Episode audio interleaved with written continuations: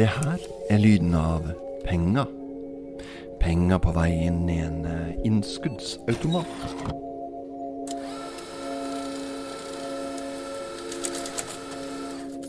Og på skjermen popper det opp et eh, spørsmål. Hvor kommer dine kontanter fra?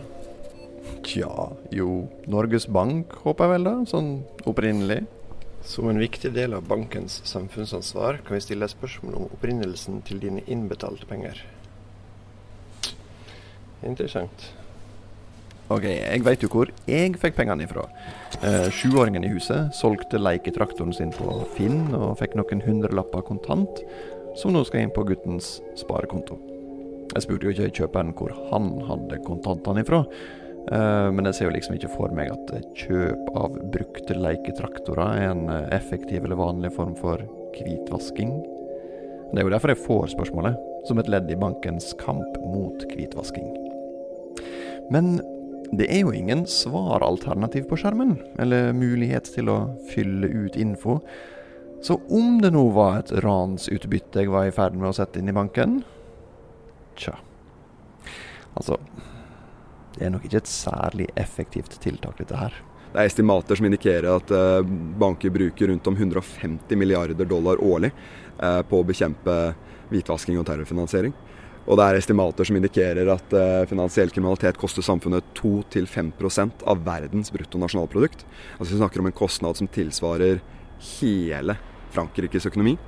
Um, samtidig som, som, man lykkes, uh, dessverre, uh, i altfor liten grad med å faktisk hente tilbake de kriminelle, kriminelle, midlene. De fleste estimater indikerer at myndighetene fanger tilbake ca. en prosent av av illegale midler. Det her er Alexander Skage i Finterøy.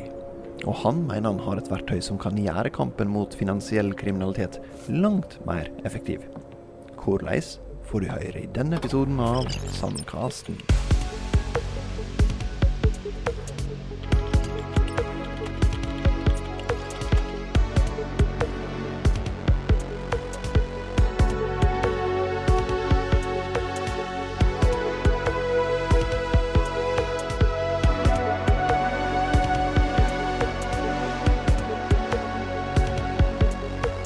Hei, jeg heter Arild Opheim og jobber i Datatilsynets regulatoriske sandkasse for ansvarlig kunstig intelligens. Og poenget med denne sandkassa er at Datatilsynet skal være litt mindre politi som kommer med pekefingre og klekkelige gebyr, og være litt mer i forkant. Forebygge, hjelpe gründere og organisasjoner med å sikre godt personvern helt fra start, når de utvikler kunstig intelligens. Alexander Skage er en slik gründer, som de siste månedene har fått utforska sin idé eller sitt prosjekt i sandkassa. Skal vi se, skal vi se. Nei, nå var det flott vær, altså. Firmaet hans er så ferskt at det ennå ikke hadde fått seg organisasjonsnummer da han begynte å skrive på søknaden om å få være med i sandkassa. Vi sitter på takterrassen utafor uh, Datatilsynet sine lokaler i Barcode i uh, Oslo, midt i gryta. Eh, sola skinner, du har solbriller på. Eh, og hvordan føles det å være gründer? Det er, et, eh, det er et komplisert spørsmål. Hvordan føles det å være gründer? Jeg tror det aller viktigste er at det føles meningsfullt. Og kostnaden er at det også føles skummelt.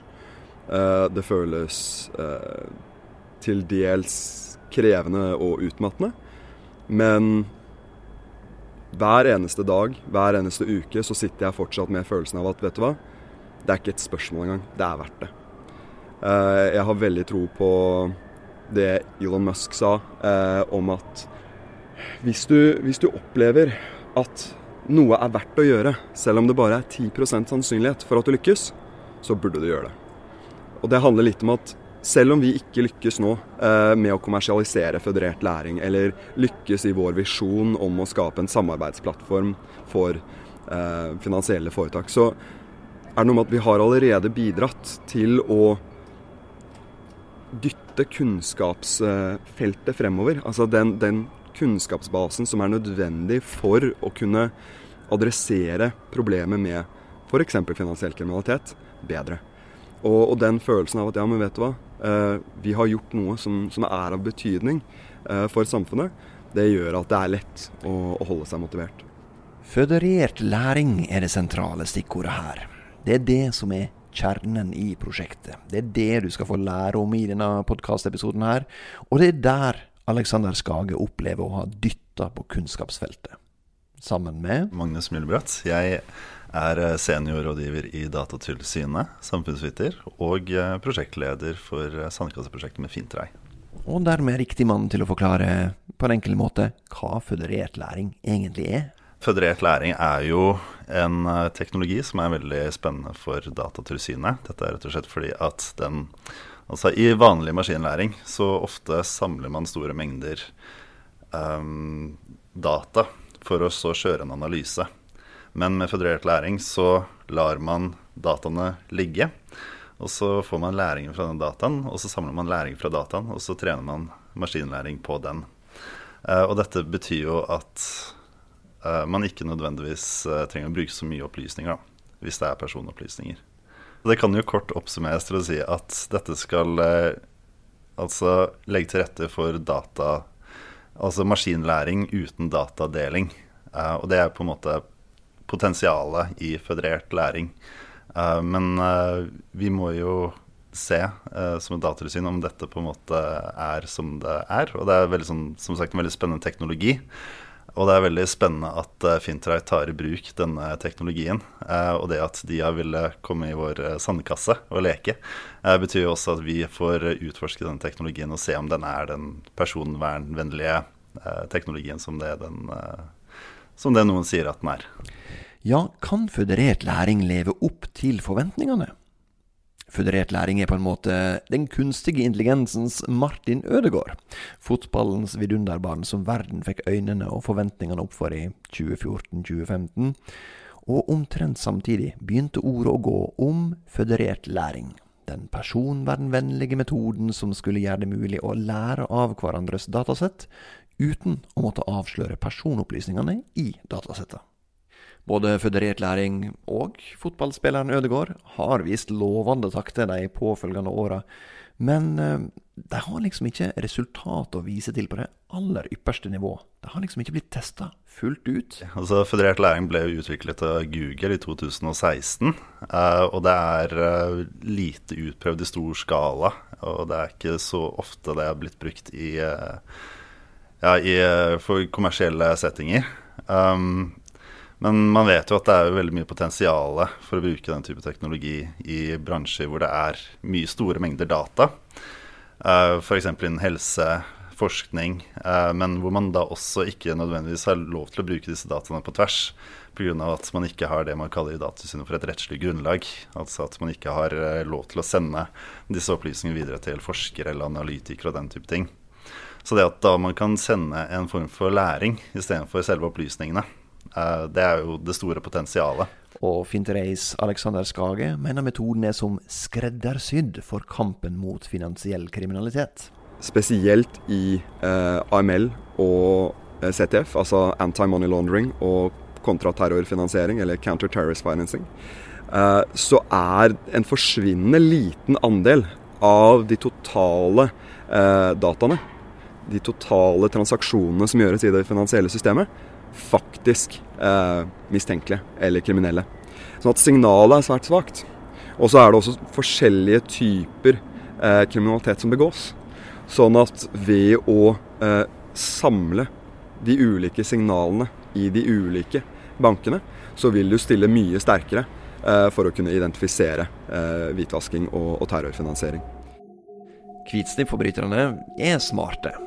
De vet at det er strenge regler for utveksling av opplysninger på tvers av bankene, så derfor vil gjerne en hvitvaskingsprosess innebære overføringer i flere ledd på tvers av flere banker.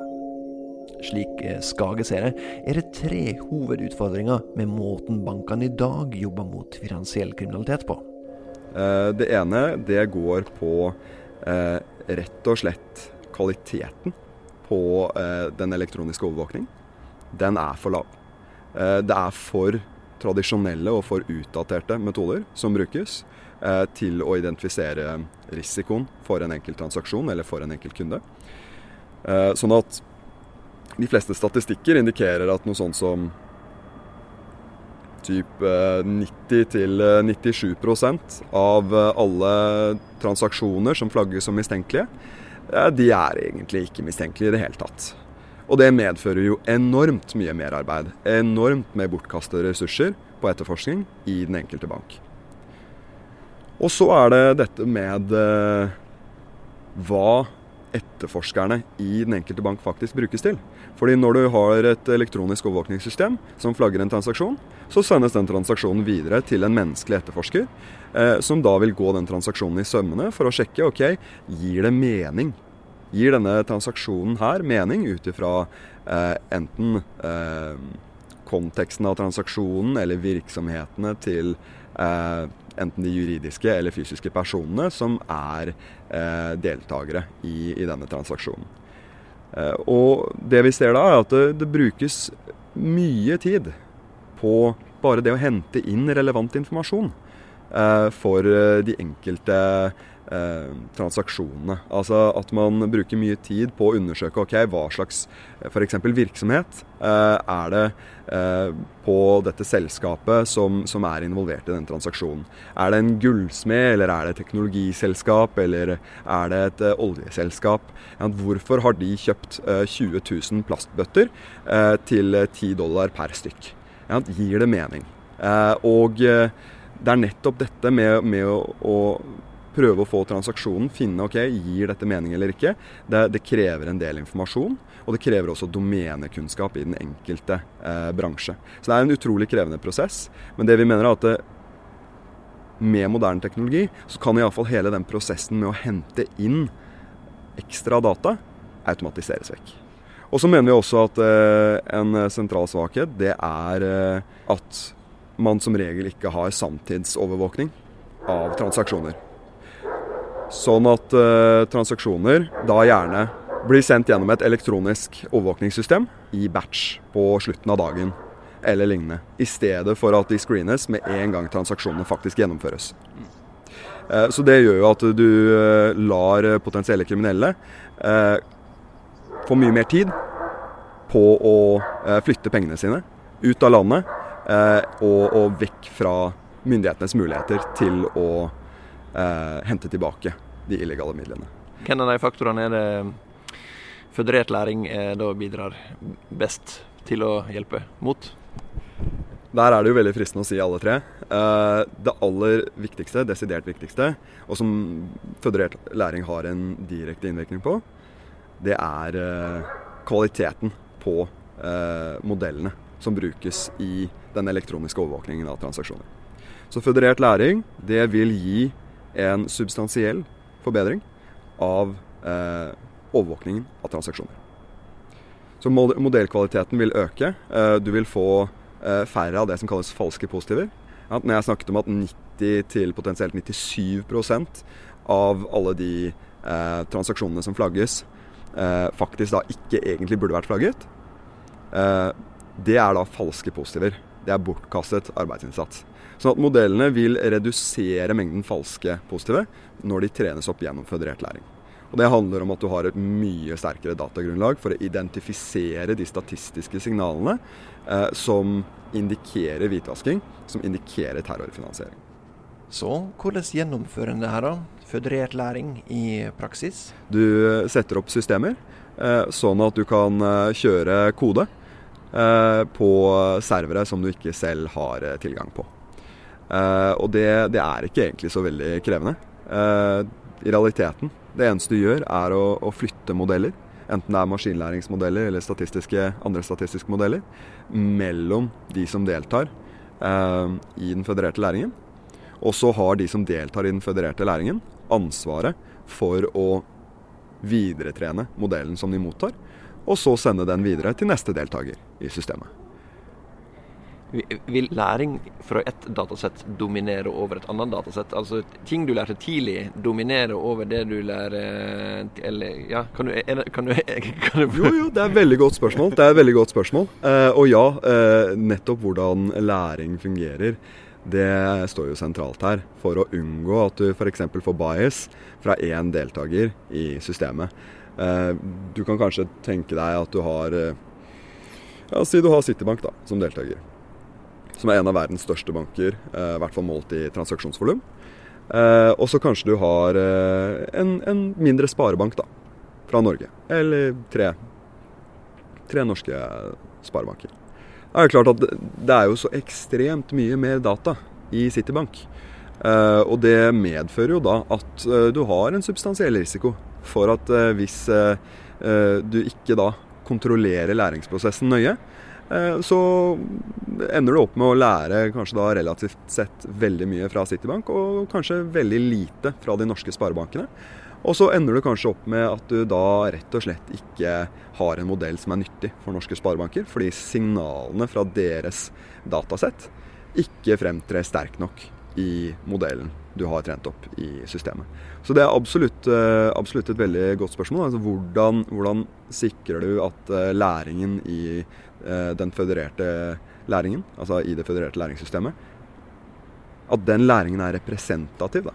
At du ikke nettopp ender opp med at enten det er den største banken eller det er den første banken, hvis du ser på banker, som dominerer hvordan modellene blir, blir seende ut.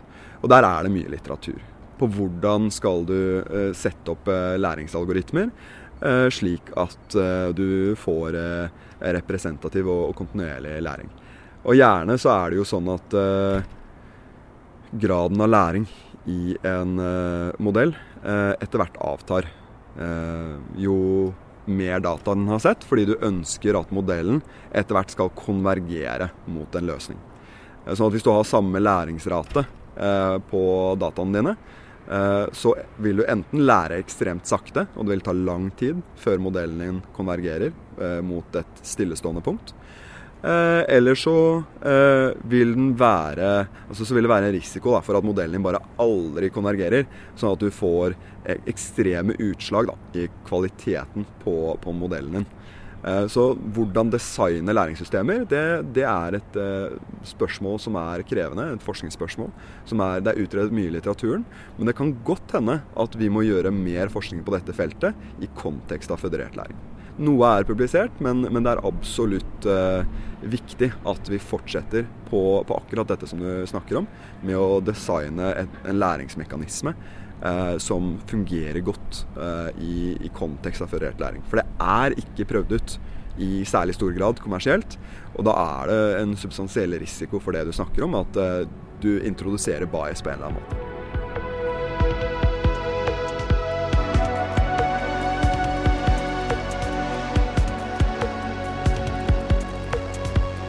Selv om Skage sier metoden er som skreddersydd for antihvitvaskingsarbeid, er den òg aktuell for andre formål og bransjer. Føderert læring eh, er eh, et generelt prinsipp eh, som kan anvendes overalt der man ønsker å lære av hverandres data. Og så har vi sett den spesifikke use casen med bekjempelse av hvitvasking og terrorfinansiering som ekstra mottakelig ekstra nyttig for føderert læring. Men vi har også vært eh, da i, i god kontakt med bl.a. forsikringsselskaper. Eh, og også et par andre eh, organisasjoner som har eh, funnet denne teknologien svært spennende. Eh, og det er absolutt i vinden. Eh, da jeg snakket med Citibank her forleden, deres venture capital-fond, så fortalte de oss at det er, det er et par andre selskaper som også jobber med føderert læring. Eh, men hun fortalte det at eh, de ikke hadde noen spesifikk use case for teknologien deres. At det var mer generelt, og at eh, det hun likte med, med vår tilnærming, var at her skulle vi først da anvende dette til en helt konkret problemstilling, hvor verdien er, er tydelig. Og Det tror jeg også er veien å gå, fordi teknologien er ikke så moden ennå at det vil være hensiktsmessig å prøve å lage en generell løsning. Der må vi først komme litt lenger hva gjelder automatisk data engineering, i, i mine øyne. Men, eh, men det, har, det, har, vært stor interesse eh, på tvers av, av ulike bransjer, altså. Og Datatilsynet kan glatt tilføyes på lista over interessenter. I tilsynets rapport om kunstig intelligens og personvern fra 2018 er føderert læring trukket fram som et eksempel på en spennende metode som kan ha stor og positiv betydning for personvernet. Nå har vi altså fått utforska metoden grundigere i sandkassa, sluttrapporten er like rundt hjørnet, og sjøl om prosjektleder Myllebratt må holde på konklusjonene enda litt til, så kan han iallfall hinte om hva problemstillinga de har jobba med i sandkasseprosjektet. Blant annet ser vi på behandlingsansvar, som er altså hva slags eh, ansvar Fintrei har eh, når de tar i bruk denne teknologien. Om de har eh, altså et behandlingsansvar, eller om man har et databehandleransvar. Uh, og det er, jo et ganske viktig spørsmål, for det sier jo noe om hva slags ansvar man har i forhold til organisatoriske, tekniske tiltak som må innføre um, når man iverksetter den type teknologi. Og det er jo også slik at når man bruker denne type teknologi som føderert læring, uh, altså Fintra er en liten virksomhet, det at hvis man klarer å lande på å bruke så lite personopplysning som mulig, betyr jo også at det er billigere for virksomheten å bruke teknologien. For det betyr jo at man ikke må iverksette alle disse tiltakene for å møte kravene i personvernregelverket. Uh, så vi har hatt litt sånn drøftinger uh, fram og tilbake på det. Og vi også ser jo veldig mye på hva slags sikkerhetsutfordringer som kan oppstå med føderert læring. spesielt da i Fintre sitt case. og der ser vi jo liksom at hvordan Fintra velger å lage, utforme løsningen sin, har veldig mye å si for hva slags angrepsflater og eh, sikkerhetstrusler som de er sårbare for. Um, og selvfølgelig så er det jo dette en ganske ny teknologi. Um, så det er jo også et spørsmål om uh, hvilke sikkerhetsutfordringer som eksisterer, og så hvilke sikkerhetsutfordringer som kommer til å eksistere om ti år, uh, f.eks om denne teknologien er robust nok på sikt. Uh, utfordringen med føderert læring er at man ser at selv om uh, data ikke utveksles, uh, så kan informasjon fortsatt utveksles. statistiske modeller, enten det er maskinlæringsmodeller eller mer tradisjonelle si, regresjonsmodeller, de kaprer alltid informasjon. Eh, hvis ikke de hadde kapret informasjon, så hadde det ikke vært av noen nytte i det hele tatt. Eh, det sentrale er eh, hvorvidt de kaprer informasjon som kan være problematisk enten fra et forretningsståsted for deltakerne i den fødererte læringen, eller fra et personopplysningsståsted med tanke på risiko i GDPR-perspektivet.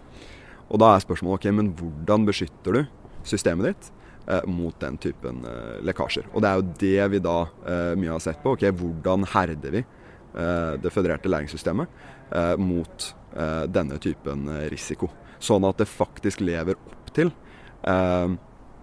sitt skal man si, promise, om du vil, om personvernvennlig maskinlæring. Personvernvennlig læring. Ja, altså det er jo et poeng som jeg har vært å få med at ja, man deler hypotetisk sett ikke personopplysninger når man bruker føderert læring, men man deler denne læringen.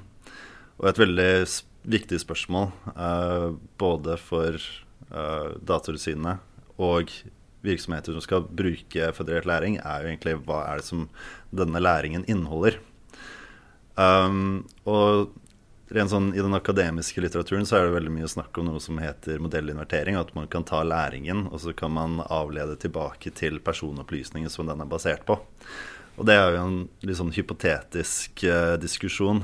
Um, og det er jo også noe som Sannsynligheten for at man kan bruke modellinvertering, er også avhengig av hvordan man strukturerer denne fødererte løsningen. For det er ikke bare én føderert uh, læring. Det er forskjellige modeller og utforminger og design av det. Og disse vil jo på en måte lansere forskjellige utfordringer, da.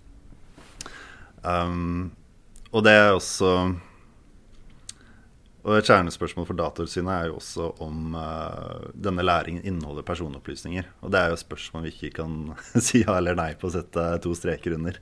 Så det er jo en veldig interessant uh, diskusjon, og noe som uh, også tror jeg kommer til å bli diskutert veldig mye fremover. Når flere og flere tar i bruk denne teknologien. Ja, for må vi ta den i bruk og se hva som skjer, eller må vi, eller må vi kunne sette to strek før vi prøver ut?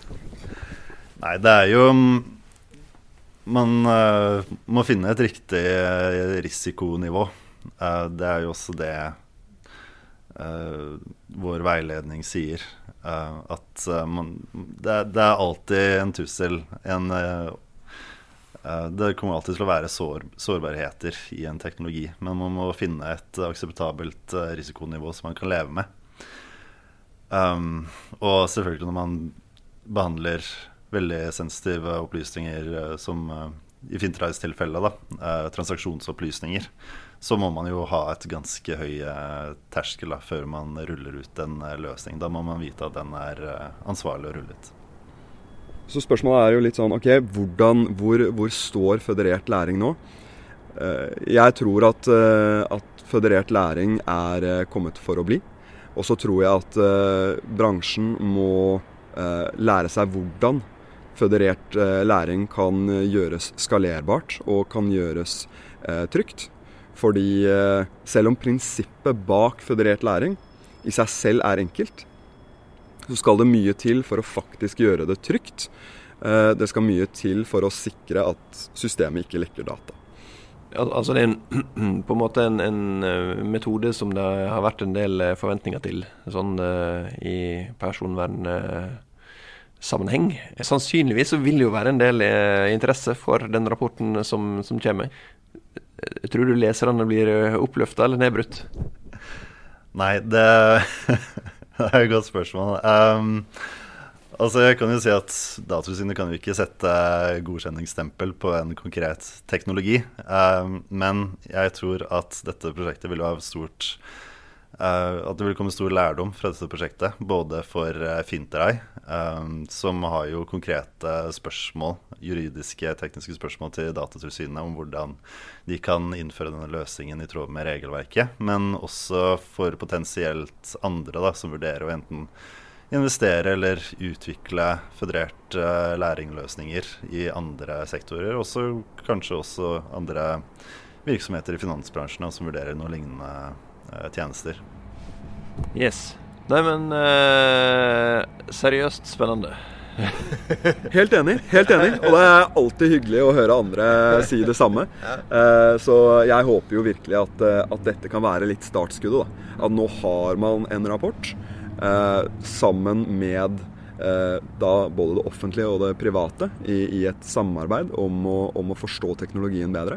At dette kan være som, som nevnt, litt dette startskuddet som er med på å skape tillit til teknologien, eh, slik at den eh, utforskes i bredere grad av flere selskaper enn det har vært eh, tidligere. At det ikke bare er Google og noen andre teknologiselskaper, men at vi også kan begynne å se på spennende caser som enten det er forsikring, eller det er bank, eller det er forskning. At dette kan være litt av begynnelsen på mainstream adoption, om du vil av eh, teknologien. Så det, det håper jeg på, og det tror jeg vi skal få til.